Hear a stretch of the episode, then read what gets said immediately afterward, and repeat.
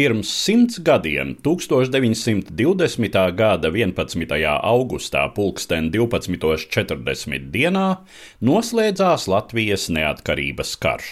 Šajā brīdī Latvijas ārlietu ministrijas ēkā, tobrīd vēl Nikolaja, tagad Krišjāņa Valdemāra ielā, tika parakstīts miera līgums starp Latvijas republiku un padomju Krieviju. Bolševistiskā Krievija bija pretinieks, pret kuru Latvijas valsts bija cīnījusies visā šī kara gaitā. Jau dažas nedēļas pēc Latvijas republikas neatkarības pasludināšanas sarkanās armijas iebrukums pārtrauca jaunās valsts izveides procesu, lika pagaidu valdību valdībai pamest Rīgu un padarīja to pilnīgi atkarīgu no Vācijas militārās klātbūtnes Latvijā. Arī no šīs atkarības vēlāk nācās atpirkties par Latvijas pilsoņu dzīvību cenu, sevišķi jau Bermonta avantūras laikā 1919. gada oktobrī un novembrī. Un laikā, kad brieda Bermonta uzbrukums 1919. gada 11. septembrī, Latvija saņēma padomju Krievijas ārlietu tautas komisāra Georgija Čičērina priekšlikumu sākt miera sarunas. Tas bija kritisks brīdis arī bolševiku varai Krievijā. Ģenerāļa Ģeņikina Balto armija no dienvidiem strauji virzījās uz Maskavu, Petrogradas pievārtē stāvēja ģenerāļa Juģēņiča spēki. Ar to arī izskaidrojama Ļeņina valdības vēlme noslēgt mierlīgumus ar Latviju un pārējām reģiona jaunajām valstīm, un visai piekāpīgā pozīcija, cita starpā paužot gatavību atzīt Latvijas tiesības uz Latgali, kuru tobrīd vēl kontrolēja sarkanā armija. Taču kategoriski pret vienošanos ar bolševikiem tobrīd iebilda Antantes lielvalstis, būdamas puslīdz drošas, ka sarkanā Krievija drīz beigs pastāvēt. Līdzīgs viedoklis sākotnēji bija arī Latvijas ārlietu ministram Zikfrīdam Meierovicam un pagaidu valdībai, proti, ka ar Ļeņina valdību slēdzams pamiers, bet mierlīgumu varēs slēgt tikai ar jaunu nebolševistisku Krieviju.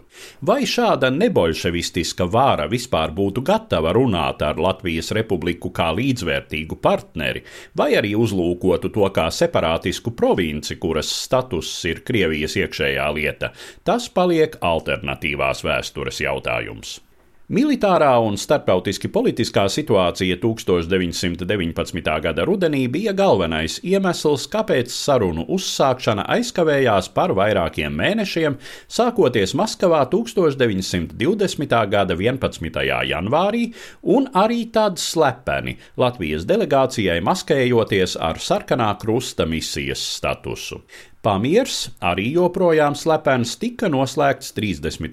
janvārī, kad kopīgā Latvijas un Polijas spēku operācijā jau bija atbrīvota Latgale. Tajā pašā laikā Balto spēku sakāve izšķirošajās Krievijas pilsoņu kara kaujās bija mainījusi rietumu lielvalstu nostāju.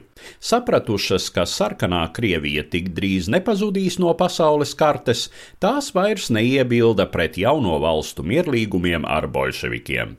16. aprīlī Maskavā sākās jau oficiālas miera sarunas, kuras risinājās uz to brīdi savu kulminācijas fāzi sasniegušā padomju poļu kara fona. Sarunu gaita Latvijas delegācijai bija fiziski smaga. Maskavā trūka pārtikas, plosījās tīfa epidēmija, jūnija otrajā pusē delegācijas locekļi bija pārguruši, daži arī slimi. Pēc Latvijas puses ierosinājuma no jūlija vidus sarunas risinājās Rīgā. Ievērojot sarkanās armijas panākumus pret Poliju, Krievijas delegācijas pozīcija kļuva nepiekāpīgāka, un galu galā Latvijai nācās atteikties no cerībām panākt kompensāciju par sarkanās armijas iebrukuma radītajiem zaudējumiem, un pilnīgu no Latvijas Pirmā pasaules kara laikā evakuēto rūpniecības iekārtu atgriešanu. Tomēr svarīgākais - Latvijas suverenitātes atzīšana visā latviešu nācijas apdzīvotajā teritorijā - bija panākts.